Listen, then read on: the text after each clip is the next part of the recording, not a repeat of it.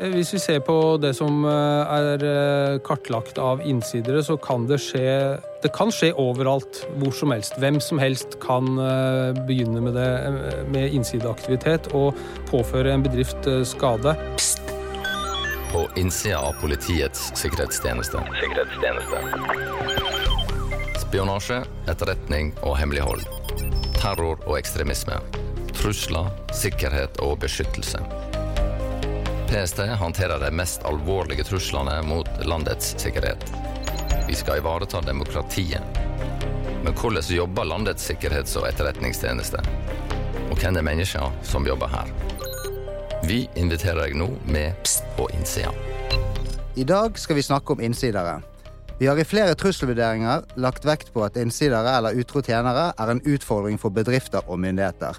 Vi skal snakke om hva en innsider er, hvilke innsidetyper som finnes, og vi skal komme med eksempler på innsidere, både i Norge og utlandet. Med oss i studio i dag har jeg seniorrådgiver Kim Svarem. Før vi setter skikkelig i gang, kan ikke du fortelle litt om deg selv og hva du driver med i PC? Ja, det kan jeg gjøre. Eh, jeg jobber som fagleder forebyggende personellsikkerhet eh, og ansvaret for eh, interne personellsikkerheten i PST. Jeg har jobba i PST i ti måneder, og før det så jobba jeg 27 eh, år i Forsvaret. Og har jobba med personellsikkerhet eh, der også i mange år. Takk for det. Da tror jeg vi begynner å bli klar til å sette i gang. Jeg heter Martin Berntsen. Dette er Pst på innsiden av PST. Hva er en innsider? Ja, hva er en innsider? Det er som du sa innledningsvis, altså eh, en utro tjener noen kaller det en spion, agent osv. Det fins flere eh, mulige måter å definere det på. Eh, NSM har eh, bl.a. Eh, i sin temarapport Innsidere definert en innsider som en nåværende eller tidligere ansatt, konsulent eller kontraktør som har eller har hatt legitim tilgang til virksomhetens prosedyrer, objekter og informasjon, og som misbruker denne kunnskapen og tilgangen for å utføre handlinger som påfører virksomheten skade eller tap. Litt eh, tungvint og eh, lang eh, definisjon der. Og så har PST også i sin trusselvurdering for 2020 eh, laget en annen definisjon, hvor det står at eh, en innsider er en person som utnytter eller har intensjon om å utnytte sin legitime tilgang til en virksomhets verdier til uautoriserte formål litt enklere og litt mer forståelig, og uh, favner egentlig om det meste, syns jeg, da. Men det fins fortsatt mange forskjellige måter å definere det her på, og det her er ikke noe fasitsvar, så det er um, Men det er godt innafor, tenker jeg. Ja. Så en innsider er altså en person som er ansatt i en bedrift eller virksomhet?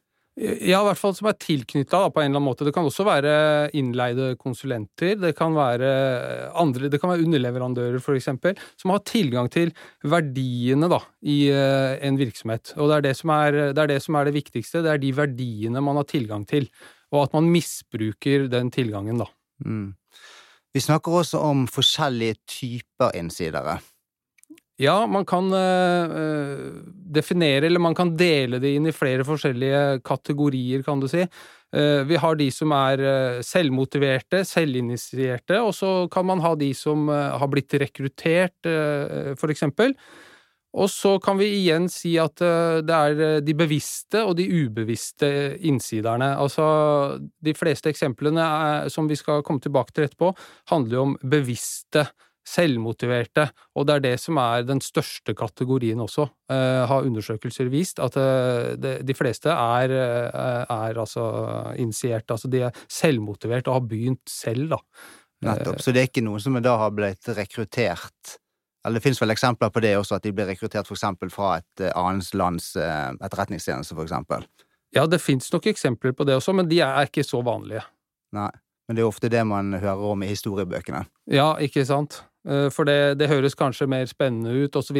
Men de fleste de, de, finner en mulighet eh, der hvor de er. Eh, de får en motivasjon til å gjøre noe for egennytte, eller for å oppnå økonomisk gevinst, eller kanskje bare for å skade virksomheten. Fordi de har en eller annen De eller annen, er misfornøyd på en eller annen måte mot, mot virksomheten, da. Og da begynner de selv å å skade. Mm. Ja, men det kan vel også være at du eh, Når du snakker om ubevisst Innsider, det høres litt rart ut. Ja, det altså Hva, det, hva, hva er det for noe? Er det noe De vet ikke at de er en innsider, og så Ja, ikke sant? Det kan godt hende det, og det er litt sånn kontroversielt uh, å bruke det med ubevisst, fordi uh, hvis man uh, bruker det, så kan man jo si at nesten alle er ubevisste innsidere, hvis man snakker om et eller annet man ikke skulle ha snakket om. Men det kan også gå på for eksempel manglende opplæring, da. Hvis man ikke har bevissthet. Altså virksomheten har liten eh, sikkerhetskultur, man har eh, lite opplegg for opplæring i sikkerhetsrutiner, for eksempel, så kan man eh, ubevisst gjøre noe man ikke skulle ha gjort, men som man, man ikke sjøl visste at man ikke skulle gjøre heller, da. Nei, for eksempel ta med seg dokumenter hjem, eller kanskje snakke for mye om forretningshemmeligheter, videre. Ja, for eksempel. Ja. Vi har jo eh, i researchen til denne, denne episoden, så, så begynte jeg å lese litt eh, på internett og bla litt i noen gamle bøker, og eh, for å finne frem til noen gode eksempler. Og hvis man ser på Norge, så kan du si at eh, Arne Treholt er kanskje et åpenbart eksempel. Mm. Men, eh, og jeg tenker også på, hvis vi skal ta noe som er relativt nytt, så pågrep jo PST en person som jobbet i DNV GL i det var vel sommeren 2020, hvor han faktisk satt og, på en restaurant og hadde en samtale med en russisk etterretningsoffiser. Den saken kan vi jo ikke si så veldig mye mer om nå, siden den fremdeles er under etterforskning. Men vi har jo en sak fra Oslo politidistrikt. Ja, der har vi jo eh, eh, Eirik Jensen som eh, ble, som ble dømt eh, for eh, Det var vel primært eh, korrupsjon, men det er jo også en type innsidervirksomhet. Altså, han hadde tilgang til politiets eh, rutiner, han hadde politiets, eh, altså tilgang til politiets eh, operasjoner eh, og så og kunne bruke den informasjonen da til sine kriminelle kompanjonger og gi tips om hvor man eh, burde holde seg unna, og hvor, man, eh, hvor det ble gjort kontroller og så videre. Så han misbrukte jo da på en måte den eh, informasjonen som var en verdi for politiet for å forhindre kriminell aktivitet. Så kunne han da legge til rette for at eh, de fikk operere som de gjorde da. Mm, så han var på en måte en slags innsider for kriminelle. Ja, ikke sant? Eh, det kan vi si. Ja. Men hvis man ser eh, Hvis man går utenfor Norges eh, landegrenser, så er det jo et hav av innsider å gripe fatt i.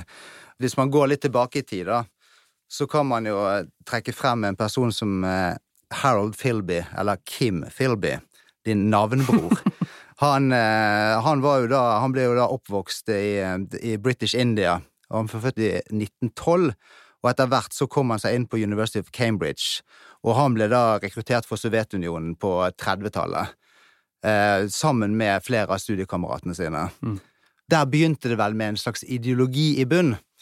At det var at han mente at eh, Sovjetunionen kanskje var eh, svaret på eh, hvordan et samfunn skulle styres. Mm. Og han gikk jo etter hvert eh, gradene, og det gjorde jo også jeg håper å si, studiekameraten hans, som også etter hvert eh, dannet da en eh, spionring som er blitt kalt Cambridge Five, eller som noen kaller Cambridge Four. Mm. Litt sånn uavklart hvor mange som var det etter hvert. Og i etterretnings- og spion- og innsideverden så er det jo av og til en del gråsoner. Og en annen, da en kvinne som heter Anna Montes, kan også sies å drevet av ideologi. Ana Montez joined the Defense Intelligence Agency in 1985 as an entry level research specialist. She quickly became a highly decorated intelligence analyst. She was a rising star. She was considered a subject matter expert on Latin American affairs, in particular about Cuba. In the intelligence community, and especially at DIA, she became known as the Queen of Cuba. Kan du fortelle litt om henne? Hun ble vel pågrepet i 21, var det det? Stemmer. Ja. Ja. Den verste spionen du aldri har hørt om, eh, har hun blitt omtalt som. Eh, Hun ble pågrepet og arrestert, eh, som du sier da, i 2001, en ti dager etter 9-11. Så det drukna jo litt i alt det oppstyret der. Hun holdt på i eh, 16 år med å utlevere opplysninger til, til fordel for Cuba. Og det, som du sier eh, riktig, så var jo hun eh, ideologisk drevet. Hun var eh, åpenlyst motstander av USAs håndtering av Cuba. Og mente at det var, det var ikke bra å behandle naboene sine på den måten. Og det var jo noe hun også prata om, blant annet på universitetet som hun studerte på. Og det ble fanga opp av cubansk etterretning, som da etter hvert rekrutterte henne. Så hun ble da rekruttert lenge før hun kom i en posisjon innenfor et eh, etterretningsmiljø, da. Ja, hun var, hun var i etterretningsmiljøet når hun ble rekruttert. Så, eh, men da var hun ikke så høyt opp eh, på, på stigen, men hun jobba seg oppover etter hvert, og ble til slutt den beste analytikeren på cubanske forhold for, eh, i USA, da. Hun jobba for eh, Defense Intelligence Agency, som er den eh, militære etterretningstjenesten. Og hun ble rådgiver for eh, alle de andre etterretningstjenestene og for administrasjonen osv. Var det noe Cuba-spørsmål, noen som lurte på noe om Cuba, så var det hun de gikk til. Og hun eh, utleverte opplysninger til Cuba, i tillegg til at hun også satt og produserte egne, altså falske rapporter, eh, som da eh, talte til fordel for Cuba, sånn at eh, USA da skulle endre sin politikk eh, og sitt forhold eh, til Cuba. Hun var veldig vanskelig å, oppdage. Eh, Hun eh, fikk holde på som sagt i 16 år. Det er den eh, lengste, en av de lengste eh, hva skal jeg si for noe, innsiderne da, som, har, eh, som, jeg, som jeg har eh, lest om, i hvert fall. Eh, hun holdt på jo veldig lenge, og da er jo spørsmål hvordan klarte hun å holde på så lenge uten å bli tatt eller uten å bli oppdaget? Ja, eh, så, ja, hun holdt på veldig lenge, og det var veldig vanskelig å oppdage henne, som du sier, fordi eh, hun eh, tok ikke med seg noen graderte dokumenter ut fra virksomheten. Hun sendte ingen e-poster, hun printet ikke ut noe, hun hadde ikke med seg eh, bærbare lagringsmedier som hun eh, la over filer osv. Så, videre. så det var ingen sporbarhet, det var ingen som kunne Man kunne ikke gå inn i andre systemer og finne ut av eh, hva hun hadde tatt med seg. Så det hun gjorde, var jo hver dag etter arbeid så gikk hun hjem og noterte ned alt hun hadde erfart da, den dagen, alle opplysningene hun hadde, og skrev det ned. Og så hadde hun kontakt med, med sine føringsoffiserer eh, i eh, den cubanske etterretningstjenesten gjennom en eh, personsøker, hvor hun da bare tastet inn koder på offentlige telefonkiosker osv., og, så og overleverte dokumenter på den måten. Men hvordan ble hun tatt, da? Ja, det var jo også en lang prosess. Det begynte jo med at det var en, eh, en kollega eh, som eh, hadde noen bekymringer, en, en magefølelse om at det var et eller annet som, som skurra, og gikk da til eh, sikkerhetspersonellet i, i tjenesten og informerte om at de hadde en bekymring. Og og det ble tatt tak i av altså personellsikkerhetsansvarlig i den tjenesten. Og han gjennomførte et intervju med henne for å prøve å finne ut av eh, om det var noe hold i denne magefølelsen. Eh, Etter intervjuet så, så han, eh, satt han fortsatt igjen med en dårlig magefølelse, og prøvde å selge inn det for sine sjefer videre, om at det her måtte vi undersøke nærmere. Og det ble ikke tatt ordentlig tak i. Altså, han hadde jo ikke nok. Det var bare magefølelse og litt sånn ullent. Så det gikk enda fire år etter den første magefølelsen, før de eh, fikk noe mer, og da ble FBI kobla inn, videre. Og så eh, var det gjennom arbeid eh, hos FBI hvor de klarte da å, hva skal jeg si for noe, å krysspeile eh, andre aktiviteter og andre, andre mm, ting som ikke fungerte som det skulle.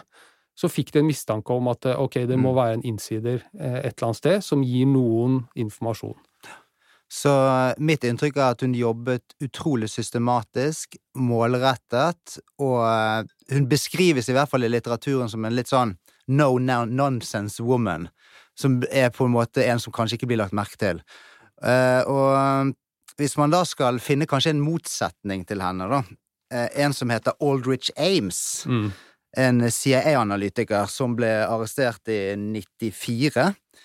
Han var en litt annen type. One of the burning questions in Washington how could it have taken so long? so long to arrest the highest ranking CIA officer ever accused of selling out to the Russians.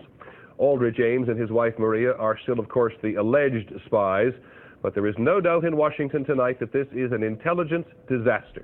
Han var en litt annen type, forsiktig sagt. Han var rake motsetningen, ikke sant. Altså, han var eh, drevet av eh, økonomi. Og det, det, kunne vi si om eh, Ana Montes òg. Hun mottok ikke en eneste krone for eh, noe av det hun gjorde. Eh, det var kun ideologi. Eh, og Ames, da, i motsetning, han var jo den best betalte spionen kanskje noensinne. Han, over niårsperiode så mottok han over to millioner dollar, og dette var jo på 80-tallet. Betydelig pengesum, ikke sant, for å utlevere opplysninger til, til russerne. Og han var jo ja, drevet av det her med altså grådighet, kan du si, da. Og han hadde alkoholproblemer. Han eh, brukte masse penger, ikke sant, var veldig synlig på den måten. Det var vel også noen skilsmisser der. Eh, så Mm. en kombinasjon av eh, skilsmisse, ulike bidrag han måtte betale, og eh, mye alkohol. Det førte til at han kanskje Det var faktisk behov for de pengene. Mm. At han, han, altså han ble drevet med det. Og det var vel også det var vel også eksempler i hans karriere hvor han eh, laget mye bråk, altså på bakgrunn av alkohol, som da burde bli lagt merke til. Mm. Men også han fikk jo holde på eh, ganske lenge. Han også fikk jo holde på ganske lenge, eh, på tross av at det var mange signaler. Det var mange som visste. Omgivelsene, Ja. sjefer, ikke sant. Eh, De eh, har jo sånne løgndetektortester som de brukte borti i CIA, som de måtte bestå med jevne mellomrom. Og der var det Der skurra det jo hver gang. Det var et Mm. eller annet som skurra. eh, som de ikke tok tak i. Og han fikk eh, også opprykk, og han steg jo i gradene og fikk tilgang til mer og mer informasjon. Og, og han var også aktiv på å hente inn informasjon om ting som han ikke hadde behov for i, i, for å utføre arbeidet også. Som var sånne signaler som man burde ha tatt. Og han fikk også en- del av den jobben han gjorde, var jo å faktisk ha kontakt med russiske ambassadefolk. Så han fikk jo, hadde jo, hva skal jeg si for noe, legitim eh, tilgang til å møte de. Han hadde en god forklaring, ikke sant? Altså, nå skal jeg i jobbsammenheng møte disse menneskene. Så det var eh, Han kunne bortforklare hvorfor han hadde møtt de der og der, og til odde tider, kan du si. Og han var alltid alene også når han møtte de, de menneskene, noe som ikke var eh, Som eh, burde ha foregått, ikke sant. Han skulle ha hatt med seg noen andre, og det skulle ha blitt skrevet rapporter så videre som kunne ettergås, som eh, ikke ble gjort. Så eh, alarmklokkene ringte i flere år rundt han uten at det ble gjort de, de riktige grepene. Ja. Nå, nå soner han vel as we speak i et amerikansk høysikkerhetsfengsel, tenker jeg. Mm. En annen person, hvis du spoler litt frem i tid, som man ikke kommer utenom, er Edward Snowden. Mm. Og han er igjen en helt annen type. Mm. Og eh, du nevnte dette med kontraktør. Mm. Eh, Snowden jobbet jo i Booth Hamilton, som var en slags eh, han var, Det var en slags under, underleverandør av diverse IT-systemer til CIA og NSA. Mm. Eh, altså den, det overvåkningssystemet de da lagde. Mm. Han eh, hadde jo da, uten at noen visste det, sittet og vært fortvilet over dette overvåkningssystemet. Eh, og så går han da ut med det Mm. i, på en massiv måte. Mm. Hva tenker du om det? Han er jo blitt omtalt som en varsler. Ja, ikke sant. Han har blitt omtalt som varsler og innsider og utro tjener. eh, Og han begynte jo også Han gikk jo inn i det her kanskje uten å vite hva det var han kom inn i, og hadde bygga seg opp etter hvert, som du sier, da, motstand mot disse metodene, som var eh, verken sanksjonert eller eh, lovfesta osv. Så, videre. så det var jo eh, han, han fikk eh, moralske skrupler, kanskje. Og begynte da etter hvert å ta med seg informasjon og laste ned, og ville jo dele med omverdenen hvor, eh, hvor inngripende det her var. Altså, han eh, Ja, så det, det utvikla seg, og det ble Det er på en måte en ideologisk overbevisning også, fra hans eh, side, om at dette var feil, og dette må verden få vite om, så vi kan rette det opp, da. Mm. Han endte jo opp med å søke asyl i, i mange land og, Mm. og reise til Russland, og da delte sannsynligvis sine opplysninger med deg. Mm. Med, de, med de, mener jeg. Så, eh, så han kunne jo kanskje, hvis han var varsla, så kunne han jo kanskje varslet på en litt annen måte. Ja, jeg kjenner ikke til de varslingskanalene i, eh, i, USA, men i Norge så har vi jo klare rutiner og, og regler og retningslinjer for eh, hva mm. som er varsling, og hva som er innsideaktivitet. Det burde være, det burde være mulig å skille de to, tenker jeg. Mm, ja. Ja. Men hvis vi skal eh, komme tilbake til eh, norske forhold, da, og kanskje mer til PST og hva vi kan gjøre, eller hva vi kan oppfordre til, hva er hva skal man gjøre? Du sa til meg at det er mange mørketall, når jeg spurte hvor mange innsidere finnes det egentlig. Og det er jo et uh, umulig spørsmål å svare på. Mm. Uh, og meg bekjent så har det i hvert fall ikke vært noen uh, store innsider i PST de siste årene, i hvert fall. nei, nei, ikke som vi vet om. Ikke som vi vet om. Og vi får håpe at det ikke er noen også. Men det er mørketall, og det er jo Hva skal jeg si for noe? Hvis en virksomhet som sitter på store verdier, for eksempel eh, opplever en eh, innsider som misbruker og gjør skade på virksomheten, så kan jo den skaden kan påføre virksomheten både økonomisk tap, men også tap av funksjon, altså den virksomhetens funksjon kan bli ødelagt, at man ikke får gjort det man skal, enten det er i det sivile samfunn eller det er innafor offentlig, offentlig virksomhet. Men jeg tenker også på hva, hvor, disse personene som er innsidere, da, de vi kjenner til. Hvor er de plassert i organisasjonen? Er det noen som skiller seg ut? Du ser her de eksemplene vi har fra USA. Da, så er det jo mm. ikke nødvendigvis ledere eller toppsjefer som er innsidere. Det er jo, du ser det er analytikere som sånn sett har bygget seg opp. Det er kanskje mm. er, det noen, er det noe man må tenke på? Er det, er det noen som er spesielt utsatt for å havne i en sånn som, som innsidere, eller kan det skje på alle nivåer? Nei, altså hvis vi, ser, hvis vi ser på det som eh, er eh, kartlagt av innsidere, så kan det skje det kan skje overalt, hvor som helst. Hvem som helst kan eh, begynne med det, med innsideaktivitet og påføre en bedrift skade.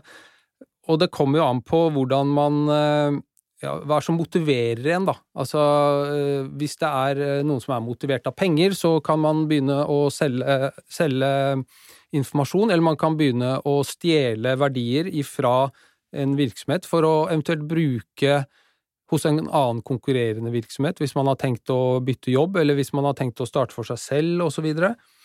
Eh, og så hvordan oppstår så all denne uviljen eller all denne motstanden? Det er jo mange faktorer som spiller inn, da.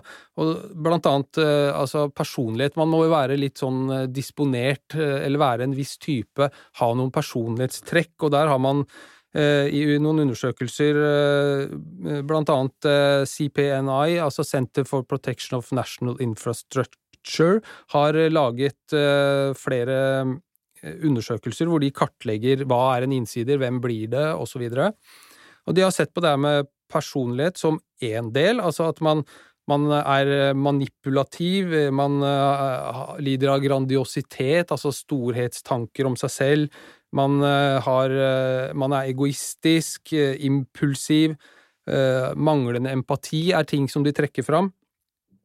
Og så kan det være andre, andre forhold, altså det kan være livsstilsforhold, eh, endring i økonomiske eh, forhold eh, i, i, i, husholdningen, for å si det sånn.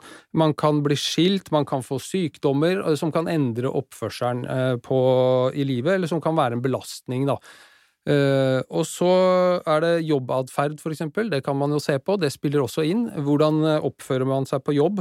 Uh, hva Gjør man det man skal? Er man uh, i opposisjon til oppgaver, for eksempel? Er man kranglevoren og hele tiden skal lage oppstyr, for eksempel?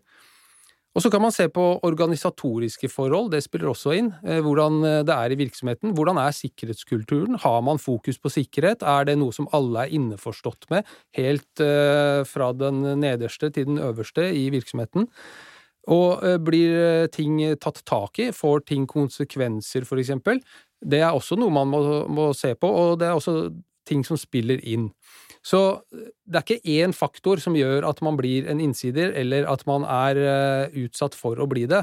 Man kan ikke forutsi det på forhånd. Det er ganske, det er ganske vanskelig.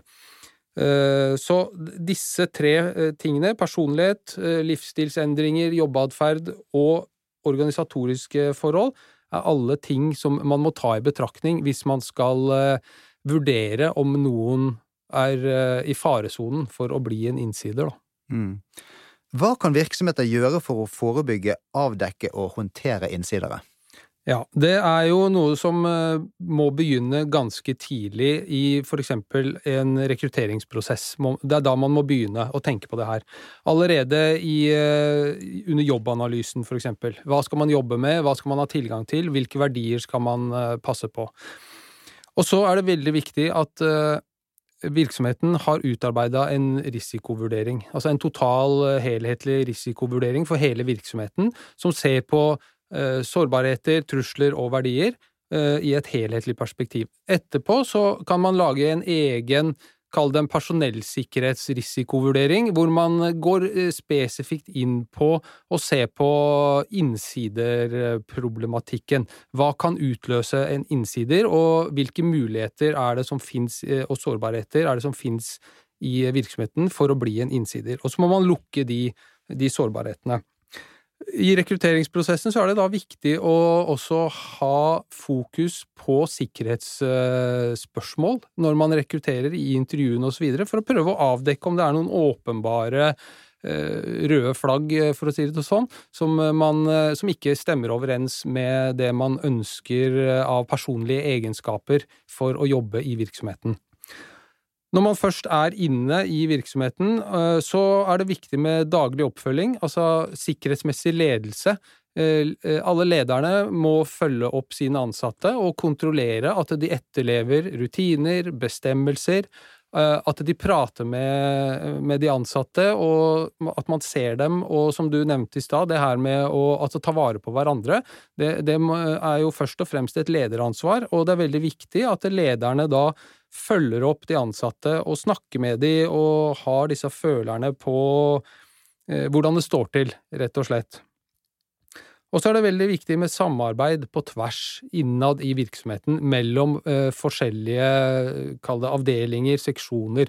Det, det, er ikke én person som kan avdekke en innsider i en virksomhet. Det, det, da må man sammenstille informasjon fra flere eh, fagområder, for eksempel eh, HR, Eh, IKT, sikkerhetsledere, eh, man må ha med seg økonomi osv., og, og så må man sammenstille og se hvordan er atferden i for eksempel hvordan oppfører man seg på nett, hvilke filer er det man laster ned, hvor er det man eh, oppsøker informasjon? I søkehistorikk, og så kan man se er det noen som har økonomiske utfordringer, for eksempel, som kan påvirke den sikkerhetsmessige skikketheten til de ansatte. Så må man da jevnlig samles og, og hva skal jeg si for noe, krysspeile eh, informasjon og se om det er noe avvik i, i atferd. Og så er det det her med kontinuerlig opplæring, bevisstgjøring, at man har egne, kall det program i virksomheten, som har fokus på den helhetlige og systematiske eh, opplæringa og bevisstgjøringen innafor sikkerhet, og da også om innsidetrusselen og innsiderisikoen. Eh, da kan man kjøre kurs, man kan ha seminarer, eh, øvelser osv. Kjøre kampanjer med på intranett, for eksempel. Lage artikler og temarapporter. Eh, det er uendelig, det er bare fantasien da, som setter eh, grenser. Så det fins en god del ting man kan gjøre. Mm. Så du, det du sier her, at allerede idet du har en stillingsutlysning ute, så må du begynne å tenke sikkerhet. Og så må man jo kanskje også tenke sikkerhet idet personen går ut døren av bedriften når han eller hun er, er ferdig med jobben. Ja, det er, det er, veldig viktig, fordi det har også vist seg at det, mange innsidere eh, påfører skade på en bedrift etter at de har slutta. Ja. For eksempel de som har hatt IKT-tilganger, altså fjerntilgang, de har kanskje jobbet hjemmefra, Eh, og man sitter på passord, man eh, slutter, og så sitter man fortsatt hjemme og har eh, tilgang til systemene, fordi rutinene for å kutte tilganger har faktisk kanskje ikke vært til stede. At de rett og slett tar med seg passord hjem som de ikke skal ha. Ja, øh, og da er det veldig viktig før noen går ut av døra, at man har en avsluttende samtale om, øh, for å ta litt temperaturen også. Hvordan har du hatt det her hos oss når du jobber nå? Eh, prøve å få en føler på går du ut herfra med noen hevntanker, eller går du ut herfra med noen intensjoner om å skade virksomheten på en eller annen måte? Det må man prøve å avdekke. Og hvis det er bedrifter som har, eh, som har krav om taushetsplikt, f.eks., så er det viktig å understreke at den også gjelder etter at du går ut døra her, osv. osv. Ja. Nei, det høres ut som det er, det er, mye, det er mye, å tenke på. Men for å, for å, oppsummere, da. Hvis du ikke nødvendigvis jobber fulltid med sikkerhet i en bedrift, og du sånn sett er en vanlig ansatt, så kan man kanskje oppsummere med at det viktigste er kanskje å bry seg om sine kolleger og medarbeidere. Det er helt riktig. Jeg tror vi skal la det være siste ordet for denne episoden, og tusen takk for at du kom, Kim. Takk for meg. Ser du noe, si noe. Men bruk sunn fornuft. Kontakt oss på pst.no.